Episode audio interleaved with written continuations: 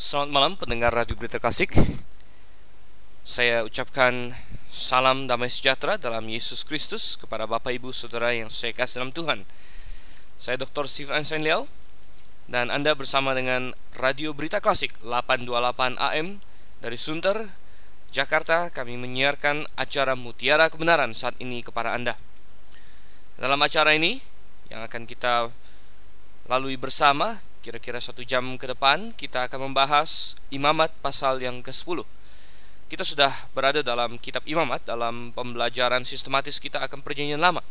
Target kita tentunya adalah menyelesaikan dari kejadian hingga maleaki Saat ini sudah sampai kepada imamat pasal yang ke-10 Kitab imamat walaupun sering menjadi momok dan sesuatu yang dianggap membosankan, sesuatu yang dianggap sama sekali tidak fun Ternyata setelah kita selidiki mengandung banyak sekali kebenaran yang seru, kebenaran yang uh, mendebarkan hati, kebenaran yang sungguh-sungguh sebenarnya menggambarkan akan Yesus Kristus Tuhan dan Juru Selamat kita.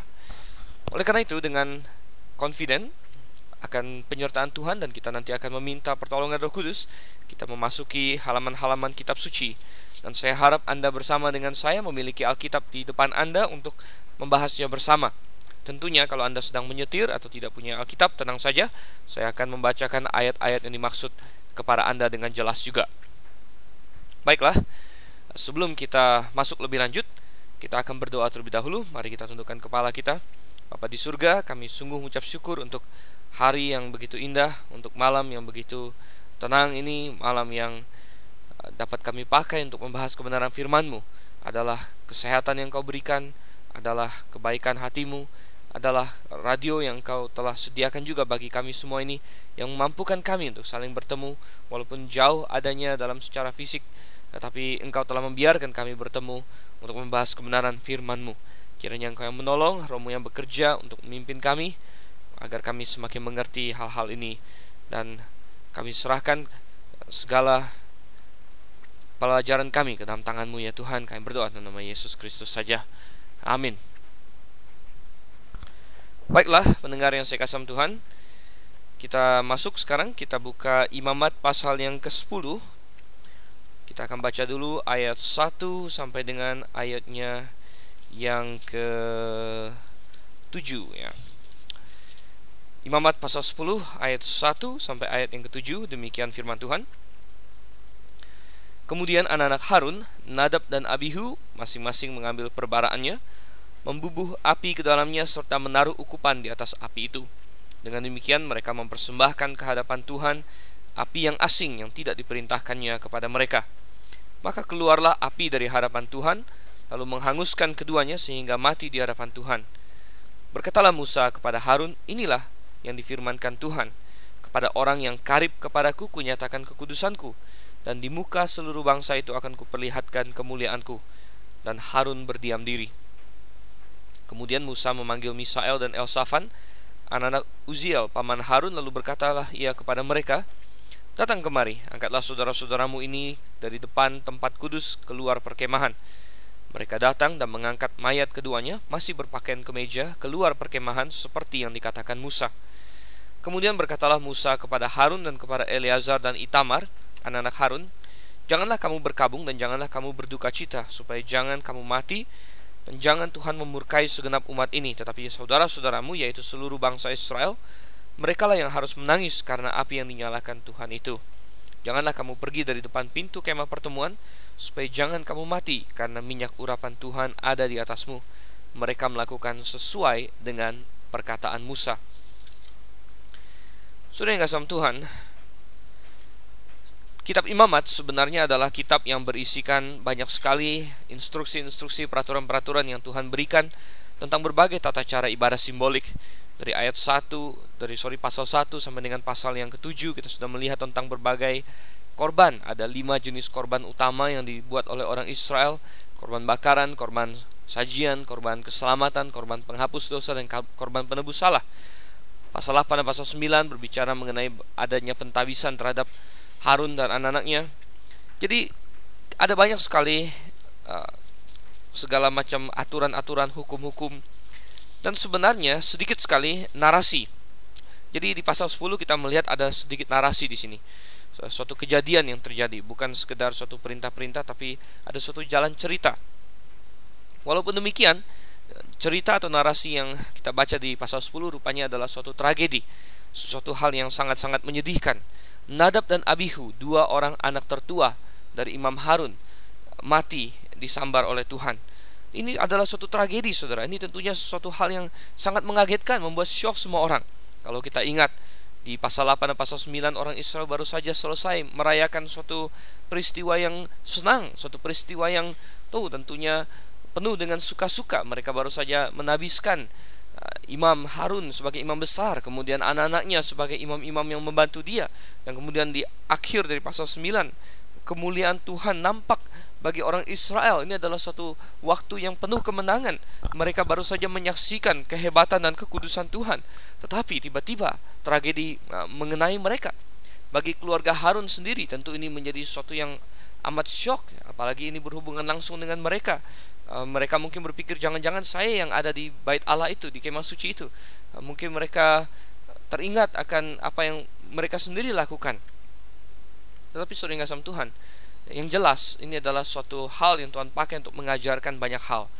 Dua orang muda, Nadab dan Abihu, dua-duanya tentunya adalah orang-orang muda yang berpotensi, orang-orang muda yang telah diplot mungkin untuk suatu hari menggantikan Harun sebagai imam besar. Mereka adalah orang-orang yang dihormati, pemuka-pemuka di antara orang Israel karena jabatan yang mereka pegang. Tapi mereka harus mati sedemikian cepat, dibunuh oleh Tuhan karena sesuatu yang mereka lakukan yang salah, saudara yang kasih Tuhan. Oleh karena itu, yang menjadi pelajaran bagi kita hari ini adalah apa yang salah, apa yang telah mereka lakukan yang sebenarnya tidak boleh mereka lakukan. Nah, ada beberapa hal yang bisa kita lihat yang merupakan prinsip yang ditanamkan dalam ayat-ayat ini. Tentu hari ini tidak ada lagi kemah suci, kita juga tidak datang, tidak masuk seperti Adam, seperti Nadab dan Abihu, kita mencoba mempersembahkan uh, ukupan atau mempersembahkan domba dan lain sebagainya itu tidak lagi kita lakukan. Tapi ada prinsip-prinsip yang tertanam dalam kejadian ini yang menjadi pedoman bagi kita supaya hal yang sama pun tidak menimpa kita atau kita pun tidak dimurkai oleh Tuhan. Baik, apa-apa saja yang diajarkan, apa-apa saja yang tidak boleh, apa-apa saja yang telah salah dilakukan oleh Nadab dan Abihu sehingga mereka mati dihanguskan oleh Tuhan di tempat ini.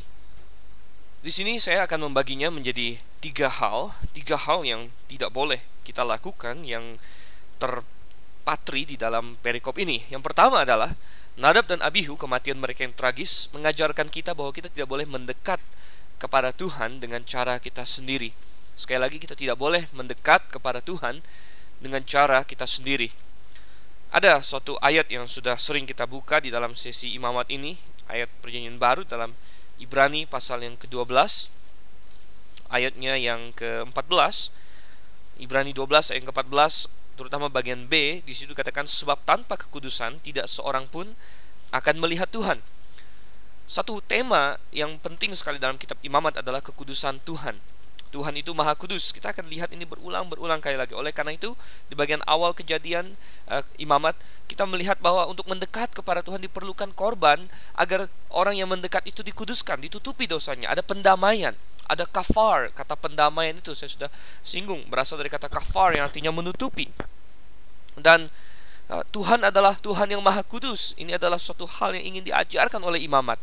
Dan sebenarnya alasan itu pula lah diperlukan seorang imam, saudara Kenapa perlu imam? Kenapa perlu ada imamat, kitab imamat? Ada imam karena Allah adalah Allah yang Maha Kudus. Tidak bisa kita dekati dengan begitu saja karena kita adalah manusia yang berdosa.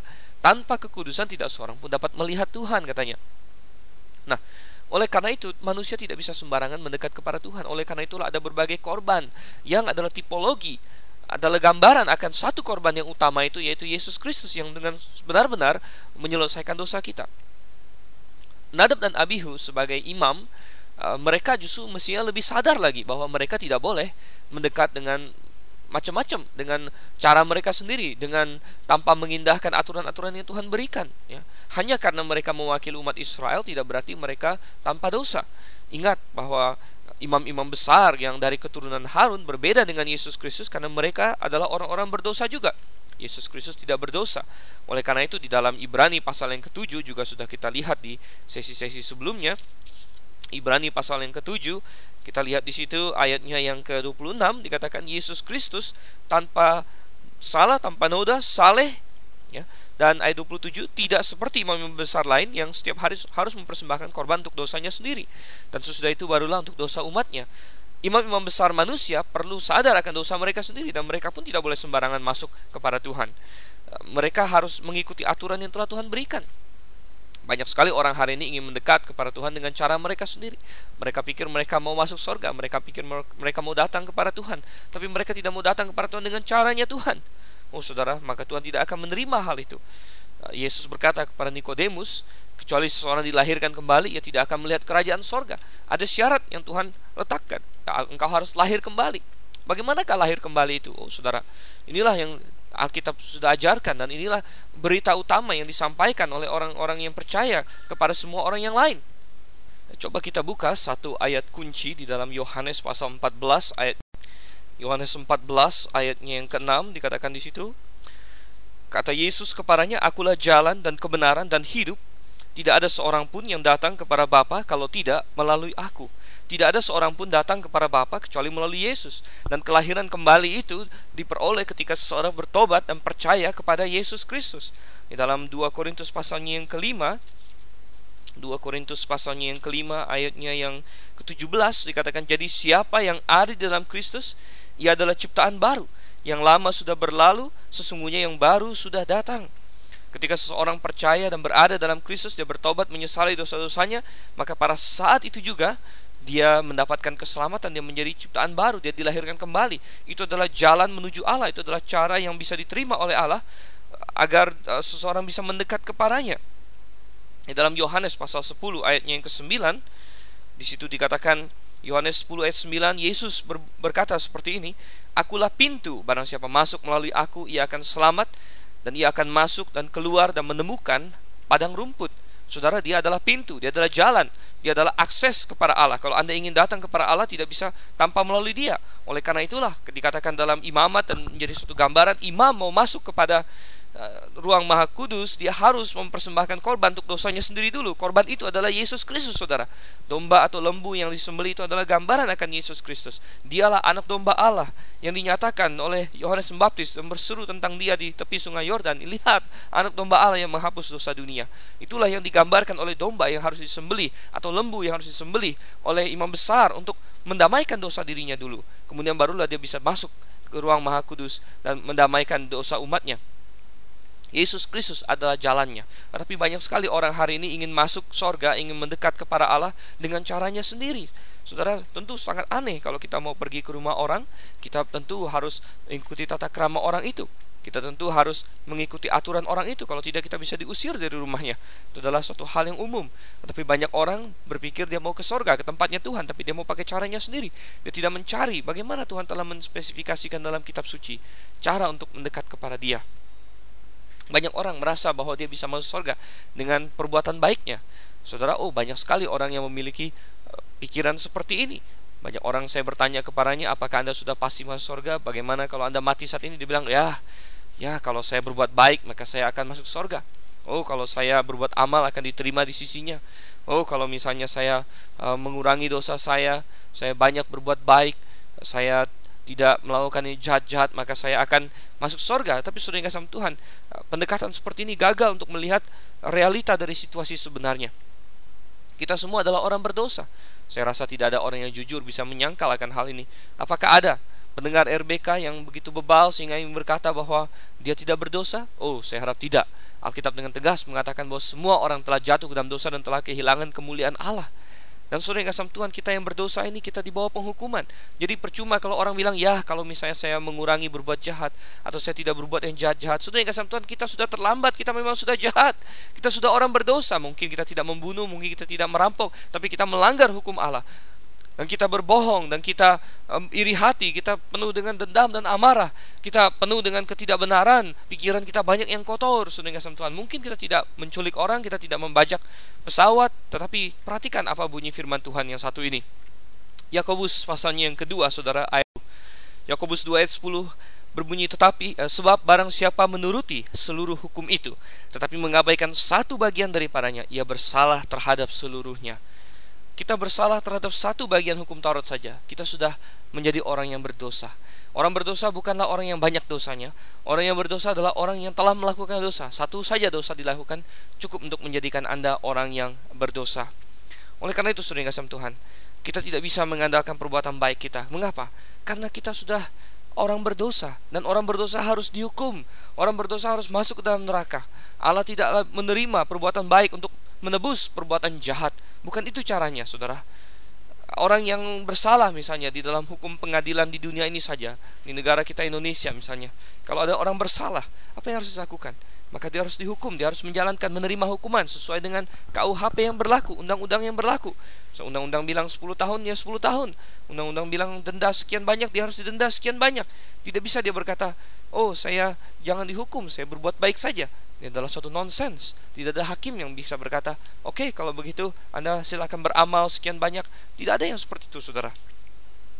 Kita melihat di sini uh, betapa banyak manusia ingin masuk surga dengan caranya sendiri. Dia pikir dengan berbuat baik, dengan hidup baik dia bisa masuk surga. Nah, tapi banyak juga orang berpikir bahwa dengan menyiksa diri dia bisa masuk surga. Ada sebagian agama yang mengajarkan ini sehingga uh, umatnya disuruh untuk mengabaikan berbagai kesenangan duniawi katanya seolah-olah dengan menyiksa diri dia bisa masuk surga. Ada yang bilang mereka harus bertapa sekian lama. Mereka tidak boleh memakai pakaian bagus, mereka harus berjalan dengan kaki telanjang, mereka tidak boleh makan daging, mereka tidak boleh uh, punya uang, mereka harus meminta-minta sana sini pakai selempang kuning, mereka harus dibotakin dan banyak jenis penyiksaan yang lain lagi. Saudara mereka pikir dengan menyiksa diri mereka bisa masuk surga. Oh, tentu ini juga jauh daripada konsep yang Alkitab beritakan. Alkitab mengatakan bahwa kita harus dihukum. Kita harus dan hukumannya itu adalah maut ke dalam neraka, saudara. Tidak mungkin ada orang yang kalau sudah di pengadilan difonis bersalah, dia bilang jangan hukum saya, saya akan hukum diri saya sendiri, saya akan menyiksa diri. Ada tempeleng pipi kanannya, pipi kirinya sendiri. Lalu dia bilang, oh jangan masukkan saya penjara, saya akan uh, puasa sekian lama, saya akan mengurung diri di kamar saya. Dan hakim berkata, oh karena engkau menyiksa diri semikian rupa anda akan dibebaskan. Tidak ada yang seperti itu, saudara. Hukum tetap harus dijalankan. Hukumnya Tuhan harus dijalankan. Oleh karena itulah tidak bisa uh, dengan cara yang seperti itu. Tidak bisa juga orang mencoba untuk masuk surga dengan cara beragama. Oh, beragama, saudara yang kasih Tuhan. Uh, mengikuti tradisi, mengikuti ritual-ritual tidak menyelamatkan siapa pun juga. Uh, mereka adalah hal-hal yang dibuat oleh manusia. Agama yang benar yang berasal dari Allah justru mengajarkan bahwa hanya ada satu jalan keselamatan, yaitu tadi yang kita lihat ya, melalui Yesus Kristus. Ya. Dan saya ingin tegaskan sekali lagi, ini bukan hanya berbicara mengenai agama non-Kristen, uh, bahkan tidak ada orang yang bisa diselamatkan karena dia beragama Kristen. Tidak ada orang yang bisa diselamatkan karena status dia Kristen. Tidak ada orang diselamatkan karena gereja. Tidak ada orang diselamatkan karena pelayanan. Tidak ada orang diselamatkan karena dia mengajar sekolah minggu. Tidak ada yang demikian. Jangan salah tanggap, saudara. Saya bukan menentang gereja. Saya adalah orang yang sangat mendukung uh, gereja, saya aktif di gereja. Tetapi saya katakan bahwa kalau orang ingin diselamatkan dengan cara bergabung dengan gereja, maka dia sudah salah arah dan dia tidak selamat sama sekali. Banyak orang uh, memiliki suatu rasa aman. Saya pernah bertanya kepada banyak orang bagaimana apakah Anda sudah diselamatkan? Oh dan saya mendapatkan bahwa mereka merasa aman, merasa sudah benar di hadapan Tuhan karena mereka sudah dibaptiskah? Karena mereka sudah rajin gereja kah? Karena mereka sudah rajin pelayanan kah? Ini semua adalah harapan dan dasar yang sia-sia yang sama sekali tidak benar. Kalau kita perhatikan, tidak ada yang salah dengan pergi ke gereja. Di gereja di sana memang ada diberitakan tentang jalan keselamatan. Tetapi kalau gereja itu sendiri dijadikan jalan keselamatannya, maka itu sudah bukan Injil yang benar lagi. Itu sudah Injil yang salah yang tidak menyelamatkan siapa pun, Saudara. Orang bisa di gereja 50 tahun, 60 tahun, bahkan saya sering bertemu dengan orang yang sudah lama di gereja. Orang-orang Kristen yang tidak mengerti sedikit pun tentang keselamatan. Apakah mereka pasti masuk surga? Bagaimana caranya mereka pasti masuk surga? Mereka tidak memiliki petunjuk sedikit pun. Tapi saudara yang Tuhan, saya ingin ajarkan melalui firman Tuhan uh, betapa kalau kita melihat di uh, imamat pasal yang ke-10 ini tidak ada seorang pun yang bisa mendekat kepada Tuhan kecuali dengan cara Tuhan. Dan Nadab dan Abihu tidak kurang beragama, mereka tidak kurang uh, beraktif dalam gereja mereka pada zaman itu, yaitu mereka sudah ada di dalam imamatan, mereka bahkan adalah pelayan, mereka adalah pemimpin gereja, uh, mereka adalah orang-orang yang melayani Tuhan. Tapi apakah mereka bisa diselamatkan karena itu? Sama sekali tidak, saudara yang kasih Tuhan. Mereka harus diselamatkan karena iman kepada Yesus Kristus. Mereka harus diselamatkan karena mereka uh, percaya kepada Yehova yang menyelamatkan mereka dan ini mengantar kita kepada cara yang benar untuk diselamatkan. Oh, Yesus Kristus jalannya. Banyak orang tahu Yesus Kristus jalannya, tetapi bagaimana dengan Yesus Kristus? Banyak orang Kristen hari ini menyebut-nyebut nama Yesus, tapi mereka jauh dari keselamatan. Karena mereka hanya sebut-sebut Yesus, Yesus saja. Tapi apa yang harus dilakukan? Nomor satu, Anda harus mengerti siapa Yesus. Yesus adalah Allah yang turun menjadi manusia. Dan yang mati dari kayu salib bangkit kembali pada hari yang ketiga. Saksi Yehova yang tidak percaya bahwa Yesus adalah Allah bahwa Yesus adalah pencipta langit dan bumi, bahwa Yesus dengan Bapaknya adalah satu dan dia adalah Yehova juga, maka mereka ini tidak bisa diselamatkan karena mereka telah menolak siapa Yesus. Nomor dua, Anda tahu siapa Yesus, Anda harus bertobat atas dosa-dosa Anda. Kemudian nomor tiga, Anda harus menerima apa yang dia lakukan di atas kayu salib bagi Anda, yaitu untuk menanggung hukuman yang seharusnya tercurah atas dosa-dosa Anda. Jadi Anda bertobat dan Anda percaya kepadanya. Percaya artinya percaya Pak. Oh, Yesus sudah menanggung semua dosa saya dan saya menyesal atas semua dosa itu. Itu bertobat, menyesal dan mengakui bahwa Allah yang benar dan saya yang salah. Dan kemudian kita lihat setelah itu adalah uh, mereka harus uh, menerima Yesus, percaya kepada Yesus sebagai Tuhan dan juru selamat. Artinya apa? Memiliki keyakinan, ya Yesus sudah mati bagi saya. Banyak orang bilang saya percaya Yesus, tapi kita tanya, apa kamu percaya Yesus apa? Dia tidak mengerti.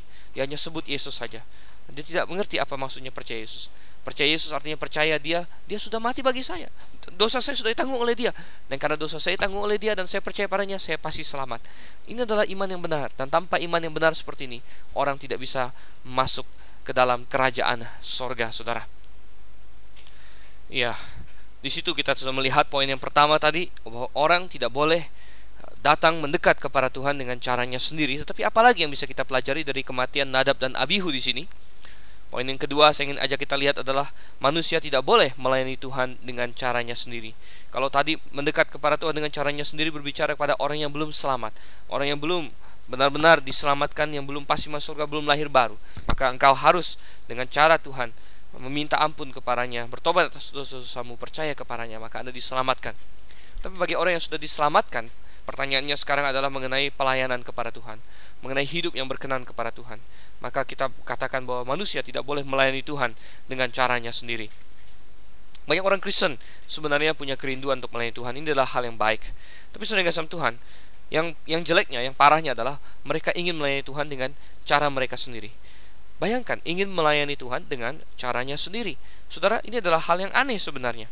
Kalau misalnya saya memiliki anak buah dan anak buah itu ingin bekerja pada saya, tapi dia bekerja pada saya dengan cara dia sendiri. Saya bilang suruh dia bikin A, dia bikin B. Saya suruh dia bikin C, dia bikin D. Saya suruh dia datang jam sekian, dia tidak datang jam sekian. Saya suruh dia pergi ke tempat ini, dia malah pergi ke tempat lain. Maka ini adalah hal yang aneh sekali. Maka bisa dikatakan, apa engkau, engkau bekerja bagi saya? Mungkin saya bisa berkata, tidak, kamu tidak bekerja bagi saya. Kamu tidak melayani saya. Kamu melayani dirimu sendiri. Ya, kamu melakukan sesuai dengan kehendakmu. Oh, saudara, betapa banyak orang yang dengan suatu uh, alasan melayani Tuhan, padahal sebenarnya dia bukan melayani Tuhan. Dia datang dengan cara dia sendiri. Dan Nadab dan Abihu adalah seperti itu kira-kira. Kita melihat di sini, mereka sebenarnya adalah imam, mereka memiliki tugas pelayanan di hadapan Tuhan, tapi mereka melakukan sesuatu yang tidak tidak pernah Tuhan katakan. Ada mungkin orang yang berpikir bahwa hukuman Tuhan kepada Nadab dan Abihu ini sangat-sangat keras, bahkan terlalu keras sampai dimatikan. Tapi coba kita lihat di sini uh, ayat yang pertama, ya mereka katanya mengambil perbaraannya, membubuh api ke dalamnya, serta menaruh ukupan di atas api itu. Dan dengan demikian mereka mempersembahkan ke hadapan Tuhan api yang asing yang tidak diperintahkan uh, kepada mereka. Apa sebenarnya kesalahan Nadab dan Abihu di sini? Ada beberapa kemungkinan bisa saja mereka uh, salah prosedur, Saudara. Artinya mereka tidak melakukan seperti yang Tuhan perintahkan. Di sini mereka katanya mengambil perbaraan. Coba kita bandingkan dengan uh, beberapa ayat Tuhan sebenarnya sudah mewanti-wanti agar para imam sangat berhati-hati melakukan persis seperti yang Tuhan perintahkan dan untuk menjaga kekudusan mereka misalnya dalam keluaran 19 ayat yang ke-22 ya, 9, uh, keluaran 19 ayat 22 juga para imam yang datang mendekat kepada Tuhan haruslah menguduskan dirinya supaya Tuhan jangan melanda mereka. Coba kita buka lagi dalam eh, keluaran juga masih keluaran pasalnya yang ke-30 Keluaran pasal yang ke-30 misalnya ayatnya yang ke-37 sampai 38. Di sini dikatakan tentang ukupan yang harus kau buat menurut campuran yang seperti itu juga janganlah kamu buat bagi kamu sendiri. Itulah bagian untuk Tuhan yang kudus bagimu. Orang yang akan membuat minyak yang semacam itu dengan maksud untuk menghirup baunya haruslah dilenyapkan dari antara bangsanya. Jadi kita tahu bahwa hal-hal yang dikhususkan untuk Tuhan tidak boleh dibuat untuk main-main tidak boleh dengan uh, mereka sendiri kita bandingkan satu ayat dalam Imamat 16 lagi. Imamat 16 ayatnya yang ke-12 Imamat 16 ayatnya yang ke-12 pada hari raya pendamaian ya kita belum sampai ke pasal ini tetapi kemungkinan besar yang dilakukan oleh Nadab dan Abihu ada hubungan dengan ayat ini. Imamat 16 12 ia harus mengambil perbaraan berisi penuh bara api dari atas mesbah yang di hadapan Tuhan serta serangkup penuh ukupan dari wangi-wangian yang digiling sampai halus lalu membawanya masuk ke belakang tabir. Jadi perbaraan itu harus diambil dari mesbah Tuhan katanya. Api yang berasal dari Tuhan sendiri. Sedangkan kalau kita baca dalam imamat 10 ayat yang pertama dikatakan mereka menaruh uh, mengambil dari perbaraannya masing-masing membubu api ke dalamnya dan menaruh ukupan di atas api itu. Jadi sepertinya mereka tidak mengindahkan mereka harus mengambil perbaraan yang dari mesbah tapi mereka mengambil dari sembarang perbaraan dan artinya mereka mempersembahkan api yang asing katanya bagi Tuhan yang tidak diperintahkan oleh Tuhan Ya, kesalahan yang lain lagi yang mungkin terjadi adalah bahwa mereka di sini sama sekali tidak sesuai dengan waktunya Tuhan. Artinya bukan saatnya bagi mereka untuk melakukan persembahan seperti ini, tapi mungkin mereka mau iseng, saudara, mau coba-coba. Mungkin mereka terkagum-kagum di pasal 9 akhir kita melihat kemuliaan Tuhan melingkupi seluruh bait suci itu. Mungkin mereka ingin mengulangi hal yang sama. Mereka ingin melihat dengan mata mereka sendiri dan mereka mencoba masuk untuk membawa persembahan dan untuk melihat lagi kemuliaan Tuhan. Ya, jadi bisa saja itu yang terjadi. Kemudian ada satu lagi kemungkinan apa yang mereka lakukan di dalam Imamat pasal yang ke-16 ayat 1 dan 2. Imamat 16 ayat 1 dan 2 sesudah kedua anak Harun mati yang terjadi pada waktu mereka mendekat ke hadapan Tuhan berfirmanlah Tuhan kepada Musa Firman Tuhan kepadanya katakanlah kepada Harun kakakmu supaya ia jangan sembarang waktu masuk ke dalam tempat kudus di belakang tabir ke depan tutup pendamaian yang di atas tabut supaya jangan ia mati karena aku menampakkan diri dalam awan di atas menutup-tutup pendamaian. Di mana kedua ayat ini sedikit banyak menghubungkan kematian Nadab dan Abihu mungkin ada hubungan dengan bahwa mereka mencoba masuk melengkapi tabir uh, antara tempat maha suci dengan tempat suci yang sebenarnya tidak boleh dilakukan dan hanya boleh dimasuki satu tahun satu kali oleh imam besar mereka mencoba masuk ke sana dan Tuhan menghanguskan mereka. Jadi ada mungkin ada banyak kesalahan yang mereka lakukan. Intinya adalah bahwa mereka mau melayani Tuhan dengan cara mereka sendiri. Mereka ingin uh, ikut uh, pola pikir mereka, mereka ingin ikut cara mereka, mereka tidak mau ikut caranya Tuhan. Baik. Nah, bagaimana dengan kita hari ini? Apakah kita hari ini orang-orang Kristen, orang-orang percaya banyak yang melakukan seperti ini? Oh, saya katakan banyak sekali, saudara yang kasih Tuhan. Banyak orang merasa bahwa dia melayani Tuhan, tapi mereka dengan sengaja, baik sengaja maupun tidak, tidak sengaja, mereka melanggar firman Tuhan. Ya, mereka sambil melayani Tuhan, mereka sambil berlawanan dengan firman Tuhan. Oh, ada banyak contoh, saudara yang kasih Tuhan. Orang-orang yang membaptis bayi misalnya. Kenapa mereka hari demi hari, tahun demi tahun, minggu demi minggu terus membaptis bayi? Padahal Alkitab coba kita buka dalam Kisah Para Rasul Kisah para Rasul pasalnya yang ke-8 ayatnya yang ke-37 di situ dikatakan Saud Filipus jika Tuhan percaya dengan segenap hati boleh jawabnya. Aku percaya bahwa Yesus Kristus adalah anak Allah. Dan ini sebenarnya terkait dengan ayat 36 di mana sida-sida yang diinjili oleh Filipus bertanya lihat di situ ada air apakah halangannya jika aku dibaptis?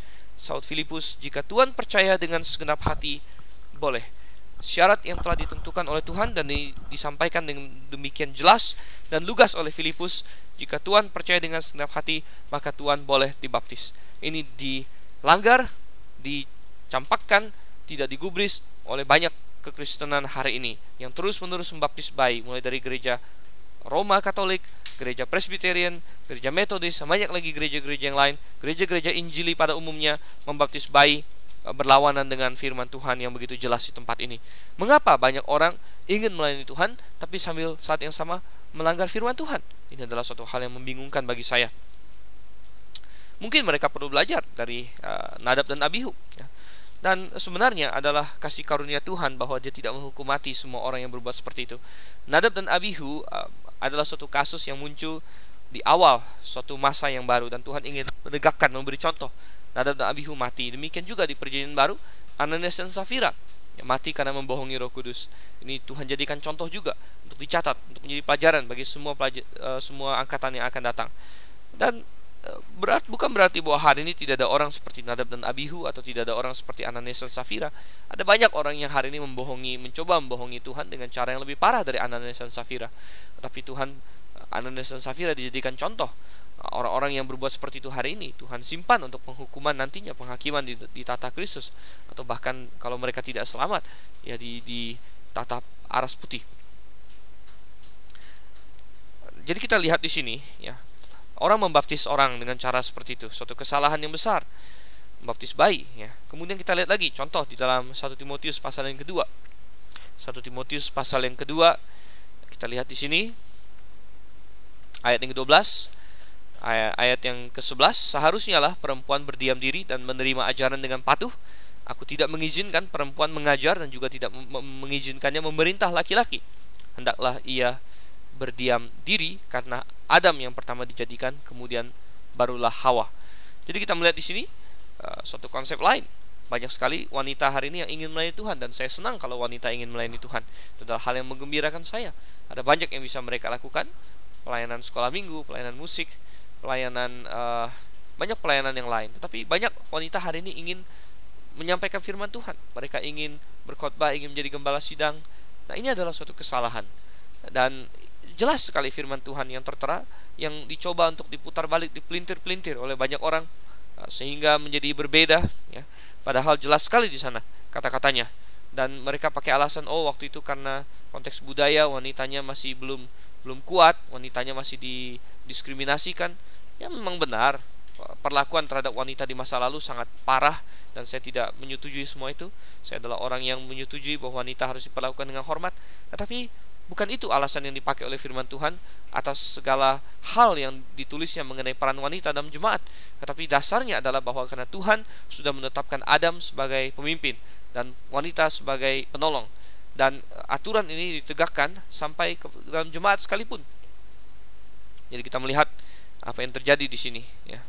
Bahwa banyak sekali wanita yang ingin melayani Tuhan tapi karena dia tidak rela ikut jalur pelayanan yang Tuhan sediakan bagi wanita, melainkan dia ingin berkhotbah di depan jemaat umum tentunya, di dia ingin menjadi gembala sidang atau dia ingin memerintah atas laki-laki, maka eh, dia tidak dapat sebenarnya menyenangkan hati Tuhan dengan hal seperti itu. Nah, pelanggaran lain lagi yang saya tenggarai banyak terjadi di masa sekarang adalah bagaimana manusia mencoba melayani Tuhan dengan membuat-buat berbagai hal yang sebenarnya tidak ada Contohnya banyak orang membuat cerita-cerita isapan jempol tentang diangkat naik ke sorga lah tentang bertemu dengan Tuhan Yesus di sana di sini. Padahal cukup jelas Alkitab. Coba kita buka dalam Matius pasalnya yang ke-24. Matius pasalnya yang ke-24 ayatnya yang ke-24 dan seterusnya atau ayat 23 dan seterusnya saya bacakan. Pada waktu itu jika orang berkata kepadamu lihat Mesias ada di sini atau Mesias ada di sana jangan kamu percaya Sebab Mesias-Mesias palsu dan Nabi-Nabi palsu akan muncul dan mereka akan mengadakan tanda-tanda yang dahsyat dan mujizat-mujizat sehingga sekiranya mungkin mereka menyesatkan orang-orang pilihan juga. Camkanlah, aku sudah mengatakannya terlebih dahulu kepadamu. Jadi apabila orang berkata kepadamu, lihat ia ada di padang gurun, janganlah kamu pergi ke situ, atau lihat ia ada di dalam bilik, janganlah kamu percaya. Sebab sama seperti kilat memancar dari sebelah timur dan melontarkan cahayanya sampai ke barat, demikian pula lah kelak kedatangan anak manusia di mana ada bangkai di situ burung nazar berkerumun. Ayat-ayat yang dikatakan oleh Tuhan Yesus sendiri di sini mengajarkan saya bahwa kalau ada orang yang mengklaim telah melihat dia di kamar, di padang gurun, entah di mana, saya tidak boleh percaya. Oleh karena itu sangat heran banyak orang yang mengatakan diri melayani Tuhan tapi tetap memegang hal-hal ini bahkan mempromosikannya. Mereka sering kali bernubuat padahal nubuat sudah tidak ada lagi dari Tuhan. Karena Tuhan menyelesaikan program nubuatannya sampai dengan kitab Wahyu dan setelah itu Tuhan ingin agar orang Kristen mencari dalam Alkitab, nah, meneliti Alkitab sedemikian rupa untuk mendapatkan kebenaran. Jadi kita lihat saudara kasih Tuhan, ah, banyak orang mencoba untuk melayani Tuhan dengan cara yang salah sama sekali yang justru menghina Tuhan. Yang justru berkata saya tidak mau ikut aturanmu Tuhan. Nah, ini adalah suatu hal yang salah. Kita lihat kembali hal yang ketiga yang tidak boleh kita lakukan, yang kita pelajari dari kejadian Nadab dan Abihu. Kita tidak boleh mendekat kepada Tuhan dengan cara kita sendiri. Kita tidak boleh melayani Tuhan dengan cara kita sendiri. Dan yang ketiga, kita tidak boleh bersimpati dengan kesalahan. Kita kembali ke dalam imamat pasal yang ke-10 tadi.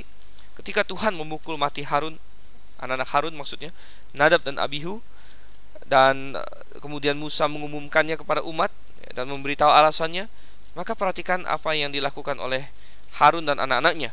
Kita baca di ayatnya yang ke 4 di situ dikatakan bahwa sorry ayat yang ketiga akhir dan Harun berdiam diri. Harun berdiam diri. Kemudian Tuhan sengaja berkata pada mereka mereka tidak boleh berkabung, mereka harus stop tinggal di kemah pertemuan karena mereka punya tugas. Mereka punya tugas, mereka harus melayani. Mereka tidak boleh berkabung karena berkabung artinya mereka menentang Allah yang telah memberikan hukuman itu. Jadi mereka tidak boleh berkabung dan mereka tidak boleh bersimpati dengan kesalahan. Nah, ini mengajar kita satu hal yang indah bahwa kita boleh saja mengasihi orangnya tapi kita membenci kelakuannya. Ini yang menjadi apa yang orang Kristen pakai. Kita mengasihi orangnya, kita membenci kelakuannya. Kita tidak suka orang yang melakukan kejahatan dan lain sebagainya, tapi kita ingin dia diselamatkan. Jadi kita mengasihi dia secara seorang pribadi dari level jiwanya, tetapi kita sangat membenci pekerjaan dia yang mungkin adalah pencuri, penggarong dan lain sebagainya. Jadi kita dapatkan di sini Harun dan anak-anaknya yang lain tentunya sangat mengasihi Nadab dan Abihu, saudara. Tapi mereka tidak diperbolehkan untuk menangis bagi mereka karena uh, mereka kalau begitu akan bersimpati dengan orang-orang yang telah melakukan kesalahan. Nah, bersimpati saja tidak boleh, apalagi dengan bekerja sama, saudara. Bekerja sama dengan kesalahan. Uh, kita baca teguran Tuhan di dalam satu Tawarik satu tawarik pasalnya yang dua tawarik ya dua tawarik pasalnya yang ke-19 ayat yang 1 sampai ayat yang ketiga dua tawarik 19 ayat 1 sampai 3 dikatakan di sini Yosafat raja Yehuda pulang dengan selamat ke istananya di Yerusalem ketika itu Yehu bin Hanani melihat itu pergi menemuinya dan berkata kepada raja Yosafat Sewajarnyakah engkau menolong orang fasik dan bersahabat dengan mereka yang membenci Tuhan? Karena hal itu Tuhan murka terhadap engkau, namun masih terdapat hal-hal yang baik padamu, karena engkau menghapuskan tiang-tiang berhala dari negeri ini dan mencari Allah dengan tekun. Yosafat membuat suatu persekutuan, persahabatan dengan Ahab, dan membuat Israel bersekutu dengan Yehuda bahkan. Dan ini adalah langkah yang Tuhan tidak senang, karena Ahab adalah orang yang sangat jahat, dan tidak ada alasan mengapa Yosafat harus berteman bahkan berbesan dengan dia di sini. Oke, jadi kita melihat ada banyak yang tidak boleh, tidak boleh mendekat pada Tuhan dengan cara sendiri, tidak boleh melayani Tuhan dengan cara sendiri dan tidak boleh uh, bersimpati dengan kesalahan tersebut. Oke, coba kita kembali ke dalam Imamat sekarang. Kita mau lanjutkan lagi ayat-ayat selanjutnya, Imamat pasal yang ke-10. Kita akan lihat sekarang ayat 8 sampai ayat yang ke-11. Imamat 10 ayat 8 sampai 11 Tuhan berfirman kepada Harun, "Janganlah engkau minum anggur atau minuman keras, engkau serta anak-anakmu bila kamu masuk ke dalam kemah pertemuan, supaya jangan kamu mati. Itulah suatu ketetapan untuk selamanya bagi kamu turun-temurun. Haruslah kamu dapat membedakan antara yang kudus dengan yang tidak kudus, antara yang najis dengan yang tidak najis. Dan haruslah kamu dapat mengajarkan kepada orang Israel segala ketetapan yang telah difirmankan Tuhan kepada mereka dengan perantaraan Musa." Saudara, kita belajar banyak hal lagi di sini Kemungkinan besar karena ayat 8 dan 9 langsung mengikuti perikop tentang kematian Nadab dan Abihu dan langsung berbicara mengenai tidak boleh minum minuman keras, maka ada suatu kesimpulan atau kemungkinan bahwa Nadab dan Abihu mungkin saja sedang dalam pengaruh alkohol ketika mereka masuk ke dalam ruangan itu mereka melakukan kebodohan mereka. Dan ini mengajarkan kita betapa berbahayanya minuman keras, berbahayanya alkohol itu. Mereka dapat barang-barang itu dapat membuat pikiran kita buntu apa yang dilakukan oleh alkohol dari dunia medis dikenal sebagai yang kita sebut dia mematikan pusat inhibisi. Kita dipenuhi dengan berbagai daerah. Ada daerah-daerah yang bertugas untuk menolak, saudara. Jadi eh, kita memiliki kontrol diri. Ya, kita lapar mungkin kita ingin mencuri, kita ingin mengambil makanan yang langsung di depan kita, tapi kita memiliki akal budi yang berkata jangan, karena saya perlu bayar untuk itu. Atau mungkin kita memiliki keinginan-keinginan jasmani yang lain, tetapi kita bisa mengontrol diri. ada kata-kata jangan dalam otak kita. Ya, dan ini adalah pusat uh, kontrol, pusat inhibisi. Tetapi alkohol melemahkan pusat ini. Alkohol bekerja dalam pusat-pusat otak untuk berkata tidak dan melemahkan bagian-bagian ini. Sehingga orang-orang yang di bawah pengaruh alkohol mereka bukan tidak bisa ber, berpikir ya mereka masih bisa berpikir tetapi mereka uh, memiliki kontrol diri yang sangat lemah. Ya jadi apa yang mereka inginkan yang menjadi sifat dasar mereka muncul saudara. Oleh karena itu banyak sekali orang yang ketika mabuk dia justru mengatakan kebenaran ya. Karena yang selama ini dia tutup-tutupi perasaan dia yang sebenarnya. Eh, dia keluarkan pada saat dia mabuk karena dia tidak bisa mengontrol diri. Ya, banyak juga orang yang melakukan berbagai kemesuman ketika di bawah pengaruh alkohol karena dia tidak bisa mengendalikan hawa nafsunya atau melakukan berbagai kekerasan karena tidak bisa lagi mengontrol emosi dan lain sebagainya. Jadi ini adalah uh, sifat dari alkohol dan tidak cocok bagi hamba Tuhan tentunya, imam dan lain sebagainya bagi orang Kristen sekalipun. Dan hari ini ada banyak kultur, kultur minum wine, kultur uh, jadi kalau bir itu dianggap murahan, tapi kalau wine, anggur, wine dianggap high class. Nah, tidak ada yang seperti itu. Wine tetap saja tetap uh, membuat orang mabuk dan uh, orang Kristen yang Alkitabiah akan menghindari hal-hal seperti itu. Tetapi satu hal yang menarik adalah ayat 10 dan ayat 11 di mana uh, Tuhan mengingatkan Bedakan apa yang kudus dengan yang tak kudus, apa yang najis dengan yang tak najis. Ini berhubungan dengan bahwa Nadab dan Abihu membawa api yang asing, yang tidak ada hubungannya dengan Tuhan. Tuhan mengajarkan kita, ada yang kudus, ada yang tidak kudus. Kata kudus sebenarnya, kita sudah membahas dari bahasa Ibrani Kodes, berarti terpisah, terpisah bagi Tuhan. Hal-hal yang khusus bagi Tuhan. Ya, tidak boleh sembarangan hal dibawa untuk dipakai bagi Tuhan. Ya, penerapan praktisnya dalam zaman kita hari ini sangat jelas sebenarnya dan banyak sekali gereja yang sudah kacau balau dalam hal ini. Mereka tidak lagi membedakan apa yang antara yang najis dengan tidak najis, antara yang rohani dengan yang duniawi, antara yang terpisah bagi Tuhan yang kudus dengan yang tidak terpisah bagi Tuhan. Dalam hal yang paling mencolok salah satunya adalah dalam hal musik, Saudara. Musik gereja hari ini sudah kacau. Banyak orang seperti Nadab dan Abihu membawa api asing di hadapan Tuhan. Kalau Tuhan masih menerapkan standar yang sama, saya yakin banyak sekali gereja yang hari ini terbakar penuh, terbakar habis. Ya, kenapa? Karena mereka memasukkan musik-musik dunia. Anda pergi ke gereja-gereja tertentu, mereka tidak ubahnya dengan night club, lampu yang remang-remang, bahkan kadang-kadang pakai spotlight, kadang-kadang pakai uh, lampu warna-warni yang berkilau-kilau, yang berkilap-kilap dengan rock band di baliknya, dengan uh, full full band, ya, uh, drum yang mendentum, uh, gitar bass, uh, singer. Ini sudah tidak ubah dengan suatu performance tidak tidak kalah dengan misalnya acara ekstravaganza di stasiun TV atau acara apa. Lagu-lagunya pun sama saudara sangat duniawi dengan backbeat rock and roll pop. Ya kata-katanya diubah memang kata-katanya sedikit terdengar Kristen sebut-sebut Yesus tentang doa tentang ini tentang itu tapi gayanya gaya duniawi semuanya. Ya style musiknya dangdut rap rock pop jazz blues semua masuk.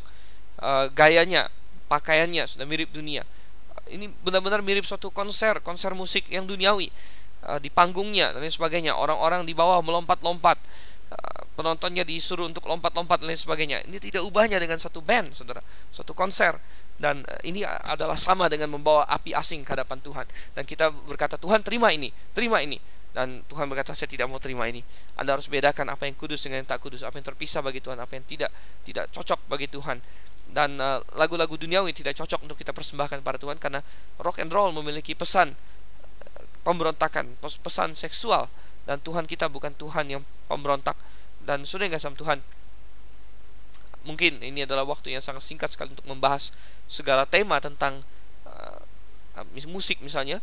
Kita di radio berita klasik punya uh, pembahasan sendiri mengenai hal ini. Dan SCT Graphics juga menyediakan DVD yang berhubungan langsung dengan seminar kita tentang musik. Dan kalau Anda tidak belum memilikinya, maka Anda silakan pesan di tempat kami atau di toko buku grafik di Sunter di sini. Oke. Kita dapatkan mengenai hal itu seperti itu. Nah, kemudian kita lihat lagi sekarang uh, ayat-ayat berikutnya. Ayat berikutnya dari ayat 12 sampai ayat yang eh, ke-20. Imamat pasal 10 ayat 12 sampai ayat 20. Kemudian berkatalah Musa kepada Harun dan kepada Eleazar dan Itamar anak-anak Harun yang tinggal itu. Ambillah korban sajian yang tinggal dari segala korban api-apian Tuhan dan makanlah itu sebagai roti yang tidak beragi di samping mesbah karena itulah bagian maha kudus.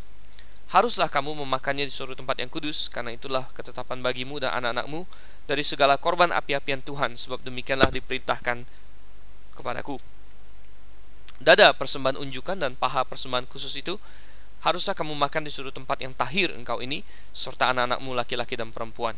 Karena semuanya diberikan sebagai ketetapan bagimu dan anak-anakmu dari segala korban keselamatan orang Israel. Paha persembahan khusus dan dada persembahan unjukan itu haruslah dibawa mereka ke tempat segala korban api-apian yang dari lemak itu supaya dipersembahkan sebagai persembahan unjukan di hadapan Tuhan. Itulah suatu ketetapan untuk selama-lamanya bagimu serta bagi anak-anakmu seperti yang diperintahkan Tuhan Kemudian Musa mencari dengan teliti kambing jantan korban penghapus dosa itu, tetapi ternyata kambing itu sudah habis dibakar. Sebab itu dimarahinya lah Eleazar dan Itamar, anak-anak Harun yang tinggal itu katanya, Mengapa tidak kamu makan korban penghapus dosa itu di tempat yang kudus? Bukankah itu sesuatu bagian maha kudus dan Tuhan memberikannya kepadamu dan supaya kamu mengangkut kesalahan umat itu dan mengadakan pendamaian bagi mereka di hadapan Tuhan? Lihat, darahnya itu tidak dibawa masuk ke dalam tempat kudus, bukankah seharusnya kamu memakannya di tempat kudus seperti yang telah kuperintahkan? Lalu berkatalah Harun kepada Musa, memang benar pada hari ini mereka telah mempersembahkan korban penghapus dosa dan korban bakaran mereka di hadapan Tuhan, tetapi hal-hal seperti tadilah yang kualami. Jikalau pada hari ini aku juga memakan, aku memakan juga korban penghapus dosa, mungkinkah hal itu disetujui oleh Tuhan? Ketika Musa mendengar itu, ia menyetujuinya.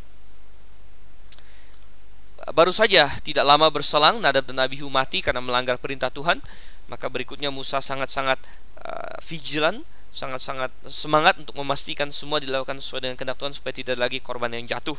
Dan dia menspesifikasikan kepada Harun anak-anaknya tentang bagian yang harus mereka makan dari setiap korban. Dan suatu ketika dia mendapatkan bahwa ada kambing jantan yang tidak dimakan tapi dibakar habis. Dan dia segera marah. Dia berpikir bahwa Harun atau anak-anaknya ini telah berbuat salah lagi, telah sengaja lagi melawan Tuhan. Uh, tetapi akhirnya mereka mendapat penjelasan. Musa mendapat penjelasan yang baik dan Harun mengatakan bahwa ada situasi yang membuat dia tidak dapat makan. Uh, mungkin karena dia najis, tidak tahir dan ada hukum bahwa orang yang najis tidak tahir tidak boleh makan dari binatang itu. Dan setelah mendapat penjelasan akhirnya Musa menjadi tenang. Kita belajar banyak hal di sini bagaimana Musa setia dan semangat untuk Tuhan, sebagaimana kita harus setia dan semangat untuk Tuhan dan kita melihat juga bagaimana seorang pemimpin yang baik ya, bisa mendengarkan keluhan-keluhan yang disampaikan oleh orang-orang yang mereka pimpin. Eh, bisa mendengarkan alasan kalau alasan itu masuk akal. Dan Harun di sini memberikan alasan yang masuk akal. Dan Musa menyetujuinya. Dia bilang oh ya memang benar dalam situasi begini kamu memang tidak boleh makan daging itu. Jadi Harun kau sudah benar. Dan diperlukan seorang pemimpin yang baik untuk bisa melakukan hal seperti ini. Jadi saudara kasih Tuhan ada banyak sekali yang kita pelajari di Imamat pasal 10 ini. Kita melihat tentang banyak hal intinya adalah Tuhan itu maha kudus dan kita tidak boleh sembarangan dengan Tuhan. Memang kita telah diangkat menjadi anak-anak Tuhan kita memiliki kehormatan yang luar biasa kita datang dengan tata ke dalam tata uh, kasih karunia dengan penuh keberanian tapi kita harus ingat tetap bahwa Tuhan adalah Tuhan yang maha kudus dan uh, kita tidak mau kita tidak boleh dan kalau kita mengasihi dia maka kita tidak akan melakukan sesuatu yang sengaja untuk melawan dia bertentangan dengan kehendaknya kita akan lanjutkan kembali pembahasan kita semakin menarik kitab Imamat ini. Pasal 11 adalah sesi berikutnya. Kita akan bahas minggu depan uh, atau sesi depan dan saya Dr. Steven Ansan undur diri dulu. Saya ucapkan selamat malam, selamat melanjutkan Maranatha.